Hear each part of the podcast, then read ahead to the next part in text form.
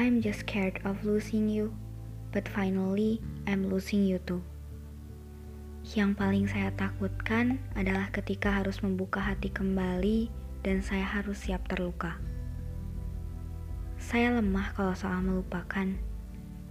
Ingatan saya terlalu kuat untuk cerita yang singkat. Bahkan sampai sekarang aja, dia belum bisa hilang dari pikiran saya. Saya pikir saya ikhlas, tapi nyatanya masih sulit melepas. Setelah dia pergi dari saya, saya bingung aja perasaan saya harus dibawa ke mana. Balik lagi ke dia, gak mungkin kan? Jadi perasaan saya harus dibawa ke mana sekarang? Dibawa lari bersama kepergian dia yang tak beralasan, atau hanya diam di tengah jalanan ramai dan tak tahu arah? Saya bingung harus berjalan ke mana. Melupakan. Sepertinya itu arah yang tepat untuk saya dibandingkan mempertahankan. Mempertahankan pikiran tentang dia yang setiap harinya berkeliaran bebas di kepala. Ternyata mempertahankan dia di pikiran saya sama saja saya mempertahankan kekecewaan saya sendiri dia sudah bisa berpaling lebih cepat dibandingkan saya. Hanya saya yang masih didominasi oleh pikiran tentang dia setiap harinya. Gak pernah kelewat sehari pun. Emang saya lemah banget kalau soal melupakan.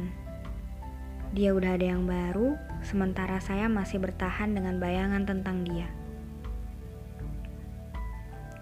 Capek banget. Saya pengen lepas dari hal-hal kayak gitu, tapi ya susah. Saya pernah coba tahan diri saya buat gak stalk Instagram dia selama satu minggu.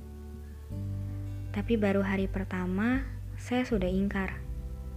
Jangan ditanya hari kedua sampai ketujuh, saya ingkar juga.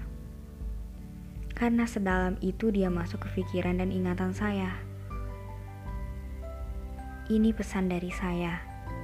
Sebaiknya kalau kalian mau mulai melupakan seseorang, langkah yang paling pertama adalah dengan berhenti stalk apa pun tentang dia.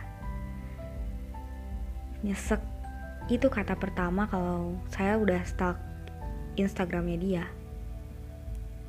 Ditambah kalau kita nggak sengaja harus tahu apa yang sebaiknya kita nggak tahu.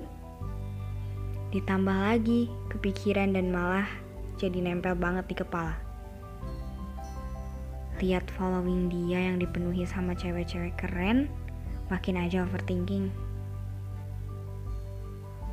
Saya yang masih memeluk erat luka yang belum lama dia kasih, dia udah ada yang baru aja. Saya nggak tahu harus sedih atau seneng sih. Seneng karena itu adalah hal yang bisa membuat saya tahu diri dan benar-benar bisa lupain dia sepenuhnya. Anggap aja ceritanya nyata, tapi orang yang gak ada. Karena part terbaik melupakan adalah merelakan. Dia aja bisa melepas dan melupakan kamu tanpa ragu, kenapa kamu enggak?